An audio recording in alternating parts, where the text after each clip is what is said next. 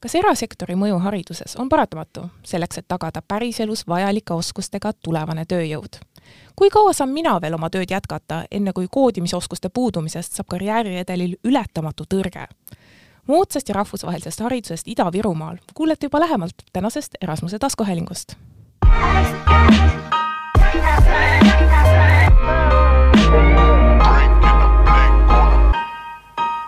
Tere tulemast Erasmus plussi Euroopa Solidaarsuskorpuse taskuhäälingusse. minu nimi on Sabina Sägi ja täna on minuga stuudios programmeerimiskooli Kood Jõhvi kaasjuht Karin Künnapas. tere! tere!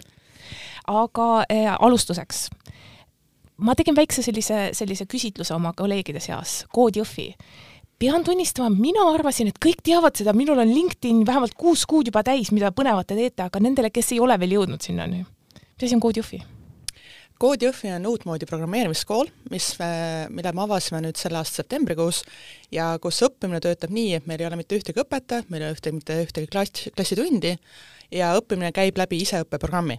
ja samas see kool on avatud kõigile, et kui sa oled vähemalt kaheksateistaastane põhiharidusega, siis sa võid tulla Kood Jõhvisse programmeerimist õppima ja ma uurisin, kes sinna on nagu tulnud, te võtsite kuskil üle kahesaja inimese nüüd vastu, eks? täpselt nii.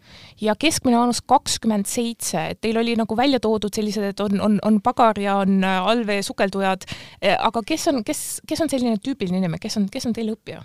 Kusjuures meil ei ole siis keskmist äh, tüüpi, et ongi me reaalselt vanusest kaheksateist kuni kuuskümmend kaks, meil on inimesi, kes on tulnud puhtalt ainult põhiharidusega, gümnaasiumiharidusega, meil on inimesi, kes on reaalselt teinud juba karjääri, meil on näiteks jurist olemas, kes on töötanud mm -hmm. juristina, nüüd otsustab õppida programmeerimist, meil on kuuekümne kahe aastane, kes töötas enne Eesti Energia spetsialistina, meil on näiteks mäeinsener olemas, meil on jah, meil on kokk, meil on, meil on autoremontija, meil on tuletõrjuja, meil on kõik, et et sellist nagu ühtset profiili meil tõtt ei ole, aga samas see teeb ka see kooli hästi põnevaks mm, -hmm. meil on nii erinevad inimesed, nii erineva taustadega, nii erineva vanusega, ka samamoodi ka erinevaid rahvuseid, et see on nagu selline hästi suur lisaväärtus, mida see kool veel pakub, et saab nii põnevas seltskonnas tööd teha. Ja kood Jõhvi äh, on tegelikult ju fake news.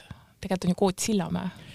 Tõsi, hetkel me oleme jah, Koot Sillamäe, et kuna meie plaan on ikka, et see, et me kolime Jõhvi, hetkel käib meie hoone projekteerimine, lammutamine hakkab nüüd umbes kahe nädala pärast pihta, et me selles mõttes, et meie hoone Jõhvis siiski valmib, aga et me ei tahtnud, et ta oleks seotud nagu kooli algusse betooniga. põhimõtteliselt, et nagu, et, et betoon ei jäänud takistuseks, et miks me oleks pidanud kooli algust edasi lükkama, ja siis õnneks me leidsime, Ida-Virumaal on Sillamäel Ida-Viru Kutsehariduskeskus mm, -hmm. kellel õnneks oli ruumi nii ühikas kui koolimajas ja tänu, tänu neile me saime kooliga juba sel aastal alustada ja minu, minule väga meeldib Sillamäe äh,, alles paar aastat tagasi sain esimest korda käidud, sellest aastast olen isegi mitu korda käinud ähm,. Jõhvis samuti, isegi see suvi, kui oli rahulikum olukord, käisin, aga äh, kui ma, ma, ma olen selline stereotüüpidega, kui ma mõtleksin moodne programmeerimiskool, siis ma tuleks kohe Ida-Virumaa peale.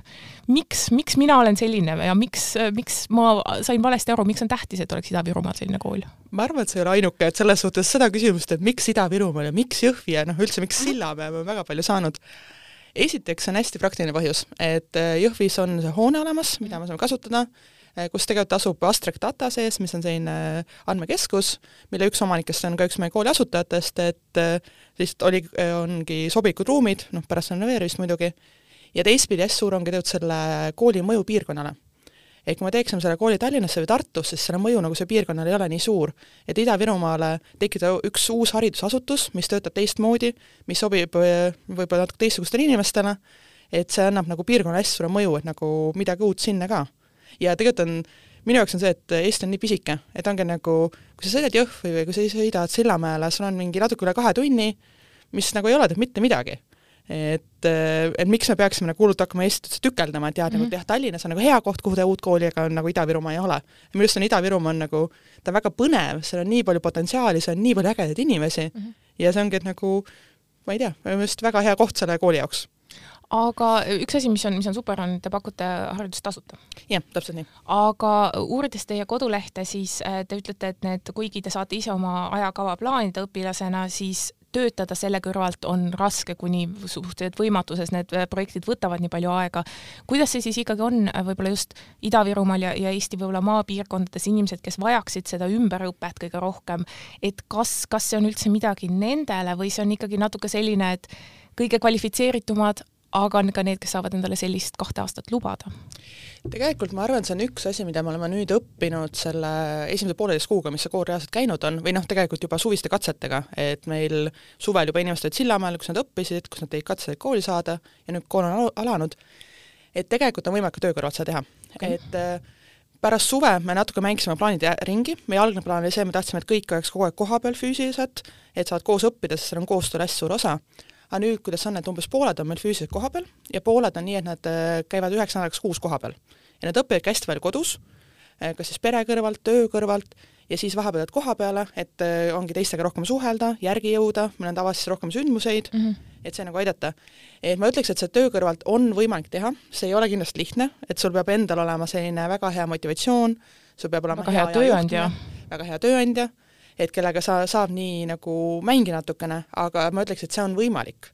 ja kindlasti on ka üks asi, mida me praegu oleme õppinud ja mida me oskame siis paremini järgnevatele lendudele ka äh, välja kommunikeerida, et, et kui sul on töökoht, kui sul on oma firma ja kui sa tahad juurde õppida, sa tegelikult saad seda teha ja selle iseõppe äh, võlu on ka see, et ongi, saad omas tempos teha mm. -hmm. et kui sul võtab mingi asi natuke kauem aega, sa saad sellega mängida.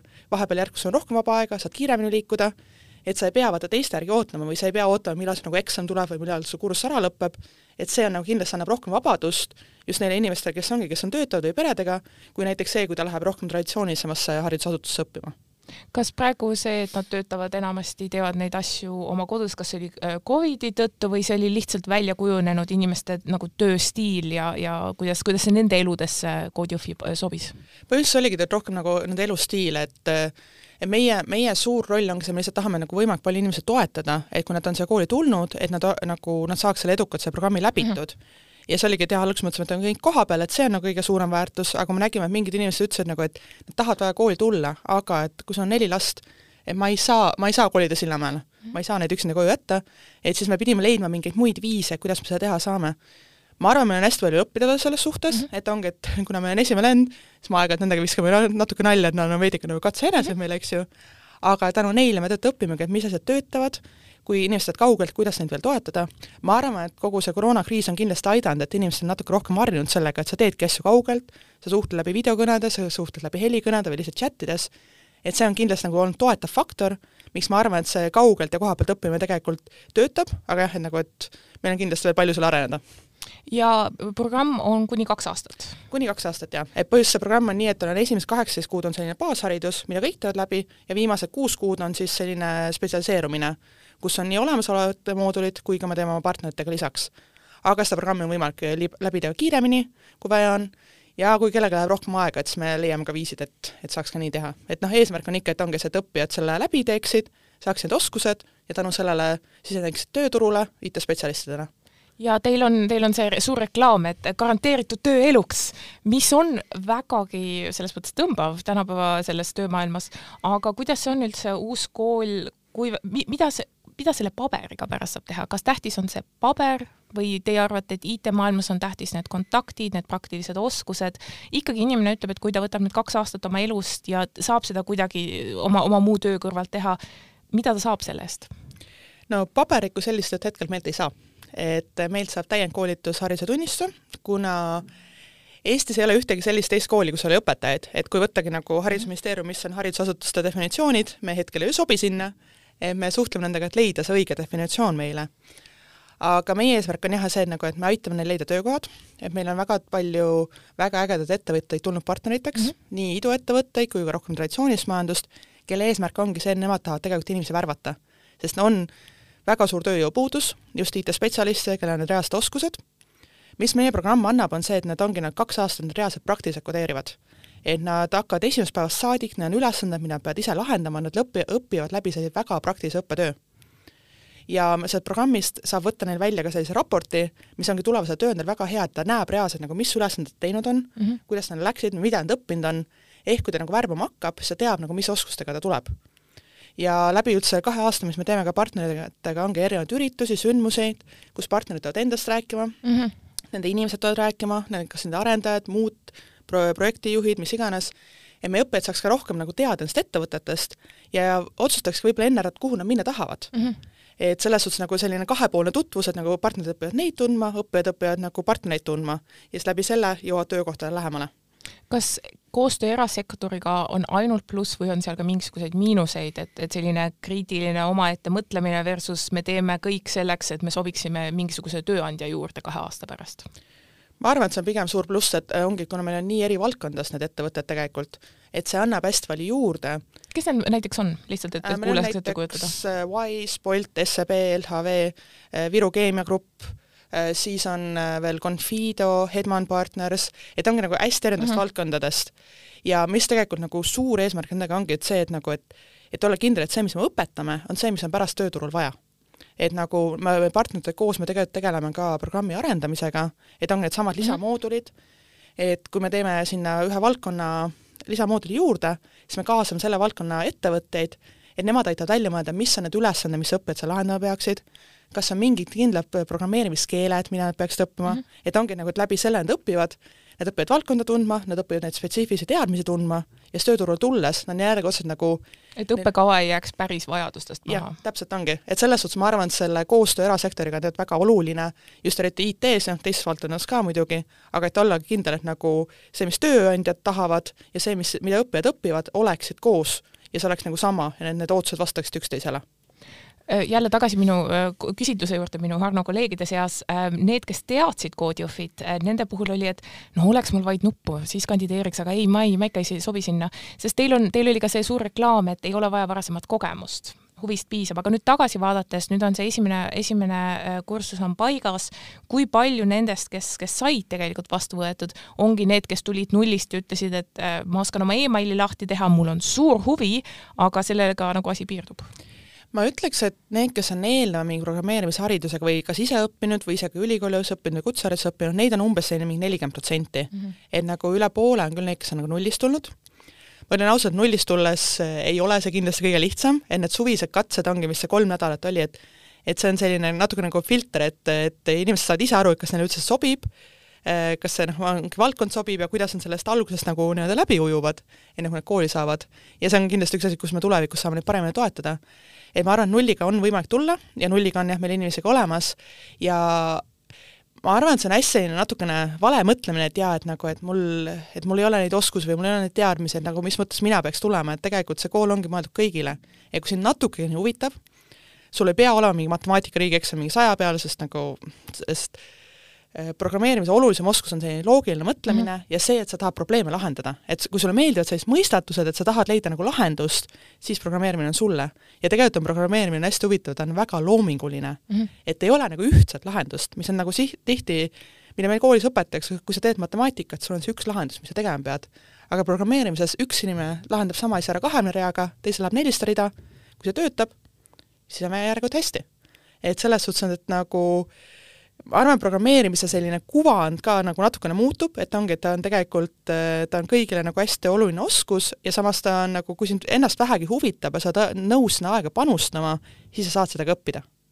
Ma vaatasin, et teil statistiliselt on kolme neljandiku mehed, neljandik naised, mis noh, kaugelt peale vaadates mõtled, mis seal juhtus, aga tegelikult nagu võrreldes eh, päris ettevõtetega paljudes kohtades on see eh, sooprotsent veel palju-palju rohkem eh, paigast ära.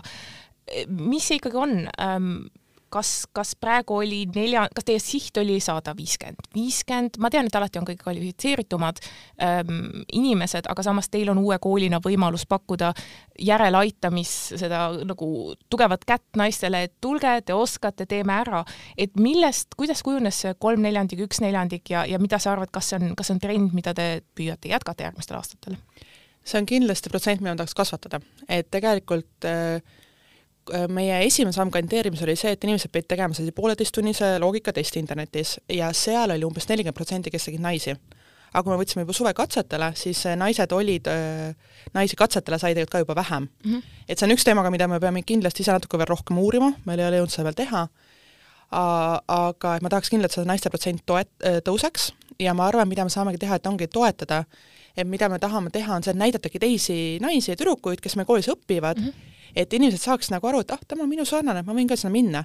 et kuidagimoodi ikkagi järjekordselt ka see IT-maailma kuvand, see programmeerimise kuvand, ma arvan, et see on väga palju muutunud, aga seal on väga palju vaja, et see ka muutuks mm. -hmm. et ongi, et nagu vahet ei ole, mis soost sa oled, vahet ei ole, mis haridusega on, et see on kõige tehtav ja seega, et programmeerimine ei ole enam see, et sa istud kuskil pimedas nurgas pika patsiga ja teed midagi, eks ju, vaid see, et nagu seal on nii palju erinevaid väljundeid erinevates valdkondades, et see on tegelikult nagu palju laiem, kui inimesed arvavad, et ta on mm. -hmm ja teil on äh, ka, ka see, ma, ma veetsin palju aega teie koduleheküljel, päris põnev oli uurida, et kakskümmend neli seitse olete lahti, õpetajaid ei ole sellist nagu traditsioonilist hierarhiat ei ole ähm,, aga teil on hunnik äh, inimesi koos ilma nagu järelevalveta, et nendest kolm neljandikku on mehed ähm,. Kuidas te tagate, et, et õpilastel oleks kõigil võrdne äh,, turvaline ja hea keskkond neid asju seal lahendada, kui seal ei ole kedagi, kes tuletab meelde, et hei, hei, hei, see asi peab käima natukene kontrollitumalt, et, et kuidas, kuidas, kuidas seda lahendate või plaanite lahendada? ma arvan, me üritame teha võimalikult avaliku kommunikatsiooniga, et mida me õppijatega kasutame, näiteks Discord, mis on selline chat-imissüsteem, et eh, kus meil on avalikud kanalid, et kui midagi on, siis nagu inimesed saavad seal kirjutada, omavahel suhelda ja samamoodi meie koolimeeskond on kogu aeg seal olemas.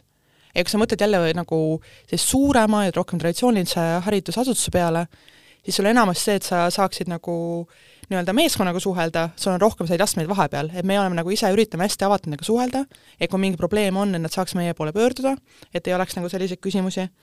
Õnneks hetkel nagu ei ole probleeme mm olnud, et ma loodan, et see läheb ka nii edasi, et mis ma arvan, mis on ka meil, et kuna meil on nagu täiskasvanud inimesed, et äh, ongi inimesed nagu erinevate kogemusega, erinevate haridustega, siis nad on kõik nagu väga mõistlikud. Mm, et äh, et saavad aru, et nagu mis on nagu õige ja mis ei ole. Ja nagu kui rääkida õpitulemustest, see, et õpetajad ei ole, et me ikkagi oma süsteemist näeme, kuidas inimestel läheb, ja kui me näemegi, et keegi on nagu maha jäänud, mis noh, alguses oligi, et osakas jäid koju, nad ei hakanud kohe tegutsema, et siis me nagu üritasime nendega kontakti võtta, et saada aru, et kas ongi, et kas me saame neid kuidagi toetada või kuidas neil läheb, et noh, mida me veel teha saaksime kas teil on sisse arvestatud mingisugune protsent, kes, kes, kelle leiab Lux Expressi pealt Sillamäelt tagasi sõitmas selle kahe aasta jooksul, kes on, äh, ütlevad, et äh, ei mitte mingil juhul, aga ka tänan ei olnud minu jaoks õige. jah, selles mõttes, et ma arvan, et esimesel lennul kindlasti see protsent on kõrgem, kui ta tulevikus on, meil on juba inimesi olnud ka, kes on loobunud, et paar inimest mõtlesid, nad teevad seda kooli koos teise mingi kooli või haridusasutusega mm, -hmm. said aru, et see ei tööta, oligi kaugelt õppides, mõni inimene sai aru, et nagu, et ta ikka, et ta ei suuda teha seda. ja siis noh, ongi, et osad inimesed noh, see on nagu hästi individuaalne et selles suhtes kindlasti ma arvan, et on inimesi, kes loobub, ma loodan, see protsent jääb madalaks, aga eks näha ole, et ongi, et järjekordselt, kuna me teeme esimest korda, siis ma arvan, me õpime päris palju, et tulevikus ongi, et võib-olla me oskame ise ka paremini toetada inimesi, et see väljakukkumine oleks veel madalam nagu.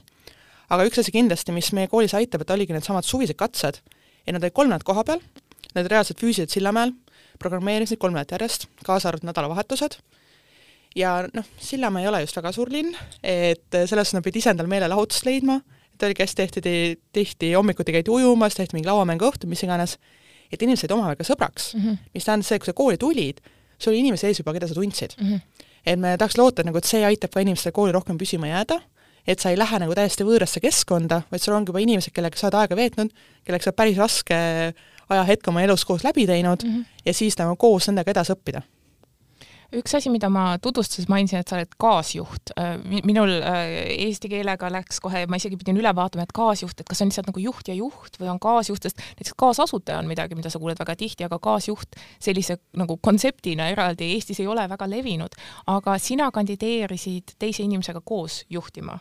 Täpselt nii, et äh, kui kooli otsiti koolijuhti, siis ma ise vaatasin kuulutust, aga see tundus nagu, see ette, nagu kool ise tundus mega äge, aga see koolijuhi roll tundus nagu nii suur ja ma mõtlesin, nagu noh, põhimõtteliselt ma julgen kandideerida tegelikult. ja siis me hakkasime rääkima minu eh, endise kolleegi Elle-Mari Pappeliga, kellega me koos töötasime Euroopa Innovatsiooniakadeemias, kus me tegime selliseid rahvusvahelisi tudengiprogramme, ja kuidagi meil mõlemale esiteks see kool oli silma jäänud, et see tundub nagu nii äge, see kooli kuulutus oli, ja siis me mõtlesime, et aga miks mitte kandideerida koos. et see ei ole just tavaline viis, kuidas mingit organisatsiooni juhtida, aga ma kindlasti soovitaksin seda enda kogemuse pealt. et jah, me koos kandideerisime, päris pikk protsess oli, meid õnneks ka valiti ja selles mõttes, et oligi, et äh, ma arvan, see kooli algus, kuna see läks üsna kiiresti mm, -hmm. asusime tööle umbes märtsikuus, kandideerimine algas juba aprillis, suvised katsed algasid juulist, et noh, et väga palju hetki sa pole olnud. palju maganud vahepeal siis või? oleneb jah, päevast aga selles suhtes, et just see nagu meeskonnatöö koha pealt ka, et kuna me olime Elle-Mariga enne koos töötanud, me olime teinud nagu rahvusvahelisi asju, et ongi, et sa olid samamoodi nagu väga teises keskkonnas, vahepeal nagu üsna pingelised ajad mm, -hmm. aga me teadsime, et me usaldasime üksteist, me suutsime asju ära jagada, et see oli eriti super. ja noh, eriti hea faktor oli ka see, et põhjust pärast seda, kui me olime tööle asunud ja nagu me olime pakkumise vastu võtnud, siis tuli välja, et ÖTL-Mari ootab ühte väikest uut projekti. no vot. et selles suhtes see läks nagu veel eriti hästi, et nagu et koos jah, me saime ka alguse teha, aga jah, nüüd äh, natuke aega tagasi Selle-Mari tervitas väikest Rasmust, oma pisipoega. Shout out Rasmusele. jaa, täpselt nii et kes siis nüüd on natuke aega koos kodus, enne kui ta jälle kooli tagasi tuleb. nii et praegu teisele juhile ei otsitud asendajat, nüüd sa juhid üksinda mingi jah, täpselt nii. okei okay,, okei okay.. aga ähm, võib-olla sellest ka, et äh, sinu enda äh, kogemuse põhjal, et sa oled äh, olnud, sa oled hariduse valdkonnas olnud, aga sa oled ka investeerimise valdkonnas olnud, et äh, kuidas, kuidas nagu, kuidas Kood Jõhvi juhtus, sa ütlesid, ja ma olen väga tänulik selle üle, et sa, et sa ütlesid, et jah, et sa ei julgenud kandideerida, sest paljud arvavad, et nad, et nad peavad näitama seda, et loomulikult ma oskan ja ma saan ja kõike, aga vahel on natuke vaja sellist lüket asjadeks. aga võib-olla nagu tagasi vaadates su enda karjäärini siiamaani, et kas Kood Jõhvi oli selline loogiline järgmine samm või kuidas, kuidas nagu see huvi tekkis selle juures, et ma ei tea, kas ma olen täpselt see õige inimene, aga see kõlab nii mingelt, et kuidas see teekond läks? jah, et kui sa mainisid investeerimist, et ma mingi aeg töötasin Eesti ärindusvõrgustikule, mis siis koondab erainvestoreid, kes investeerivad startup idesse, ja tänu sellele ma näiteks teadsin paari kooli asutajat, et Marek Kiisat ja Martin Villigut, ja siis äh, ma arvan, et need asutajad oligi põhjus, et miks ma tahtsin nagu, miks see kool nagu silma jäi, sest need kaheksa asutajat, kes seal taga on, on kõik seotud ka iduettevõtlusega, on teinud väga suuri asju ära, et näiteks meil on Wise'i ja Bolti kaasasutajad, kes on kooli mm -hmm. asutajad, ja siis see pigem oligi see põhjus, et ma nagu mul on nagu nii hea kogemus nende inimestega, ma nagu tahaks nendega midagi uuesti teha ja just seega, et kui nagu nemad panevad mingi sellise asja alguse, sa tead, et sealt tuleb midagi väga ägedat välja, et nagu niisama ta ei teeks ja Marek Kiisa on just, tema on nagu hästi entusiastlik olnud hariduse koha pealt. et ta on nagu tahtnud leida viise, kuidas nagu laiendada haridust, kuidas parandada haridust ja just see, et nagu see suur usk sellesse programmi metoodikasse, mis Koodi Jõhvi taga on, et see nagu levis nii palju, et see oli ka nagu üks põhjus, et miks ma tahtsin, tahtsin sellest nagu osa saada. et see kindlasti oli väga, see on, oli ja on väga suur väljakutse selles suhtes, igav ei hakka, neid teemasid on nagu umbes miljon, aga samas on ka nagu hästi põnev ja ma ei, ma ei ütleks, et see oli loogiline jätk, et selles suhtes ma, ma ei arvanud kunagi, ma hakkan kooli juhtima, ma arvan, et see, et ma kooli juhin, jõudis ma reaalselt kohale umbes mingi kaks nädalat tagasi, ja siis ma, oli mingi üritus, ma istusin mingi hetk, ma sain aru nägid oma visiitkaarti ja ei, mul seda veel ei ole kusjuures, aga see, ma just istusin seal ja sain aru nagu, et me avasime kooli nagu, me reaalselt avasime kooli. Et siis, siis see lõpuks jõudis mulle kohale, et jah, selles mõttes, et see ei ole loogiline jätk, aga ma arvan, et see on nagu väga-väga äge ettevõtmine ja mind väga huvitab, mis see tulevikus tuleb, et et reaalselt ongi need inimesed, kes meil õpivad, kui nad ära lõpetavad, et mida nemad oma eluga tegema hakkavad mm. -hmm. et ma tahaks loota, et sellel programmeerimisõppel on päris suur mõju ja me aitame neil, ongi nagu sa enne ütlesid, et leida töökoha koguks eluks. et jah ja sinu enda tagapõhja puhul ähm, paljud inimesed, kellega ma siin räägin, on ise ka Erasmusel käinud ähm,, sina ei käinud.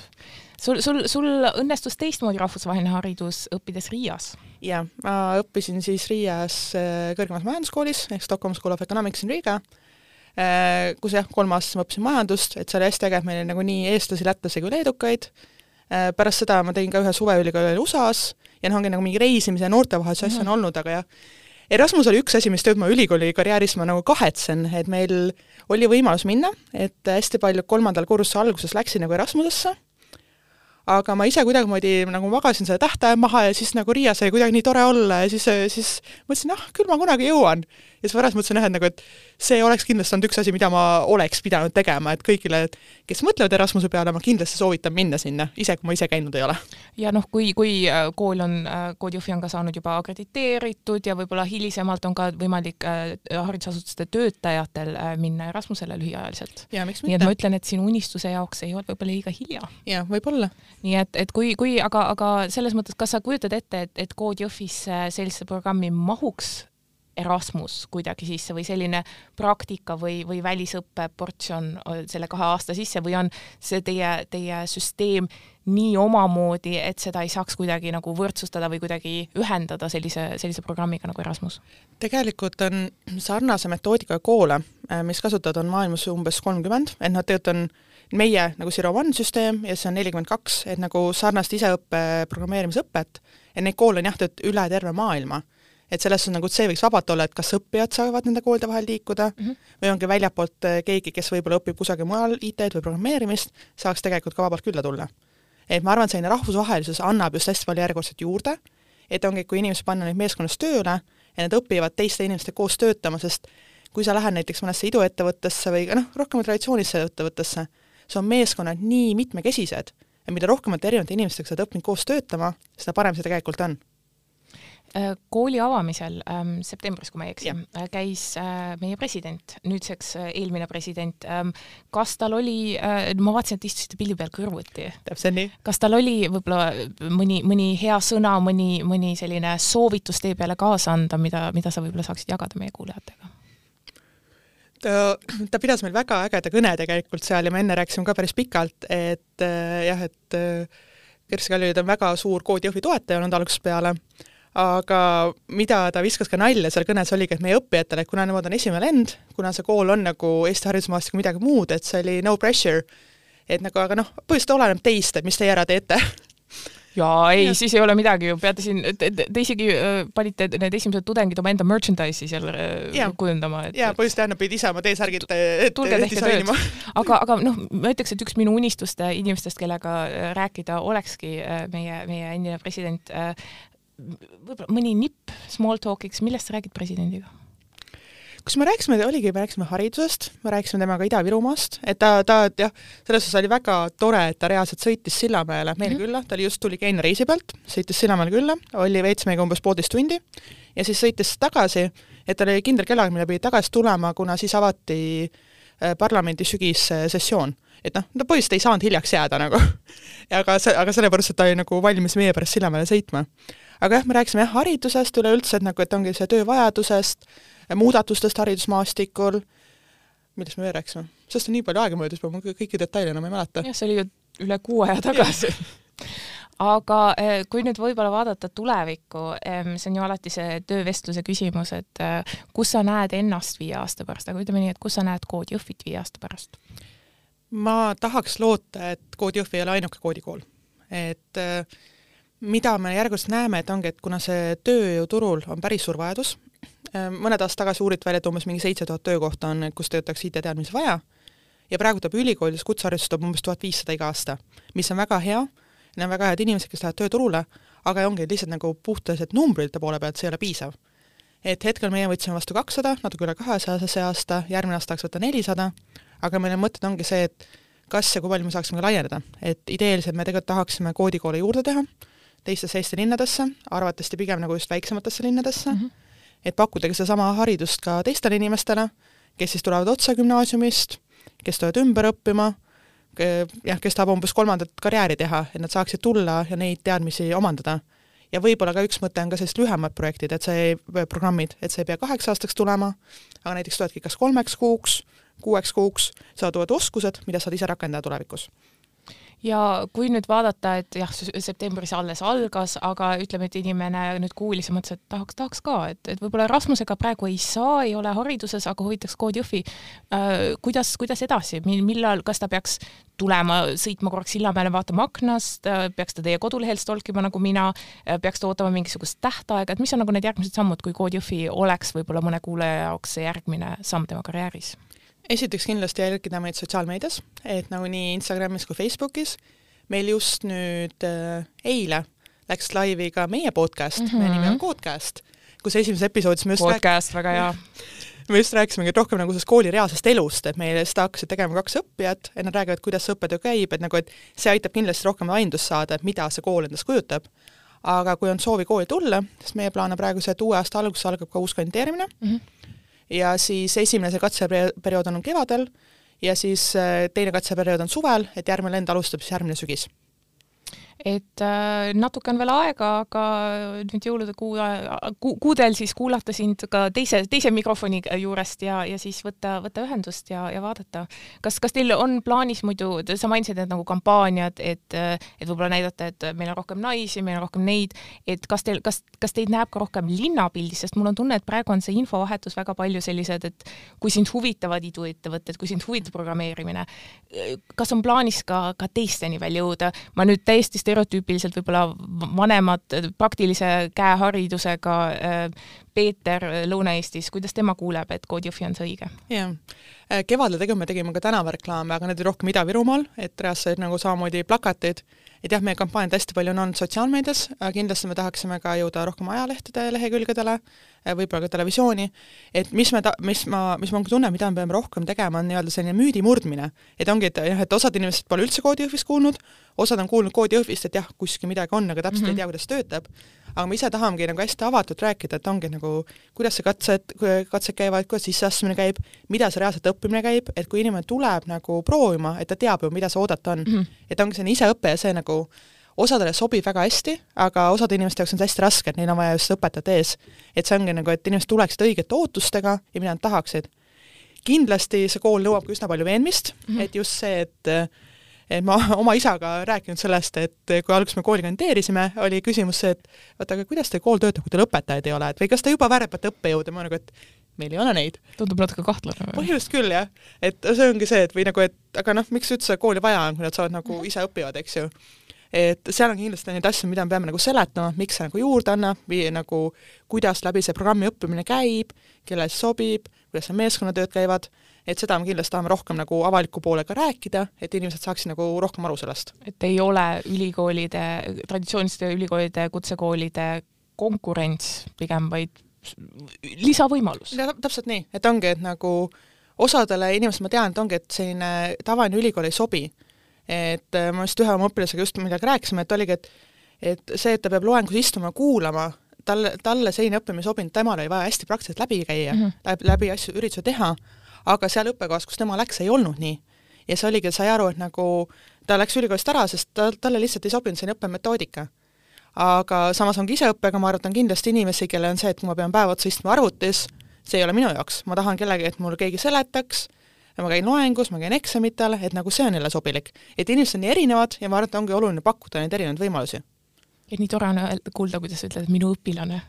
ikka, ikka tõesti äh, selline ähm, korra-, ikka õige koolijuht aitäh!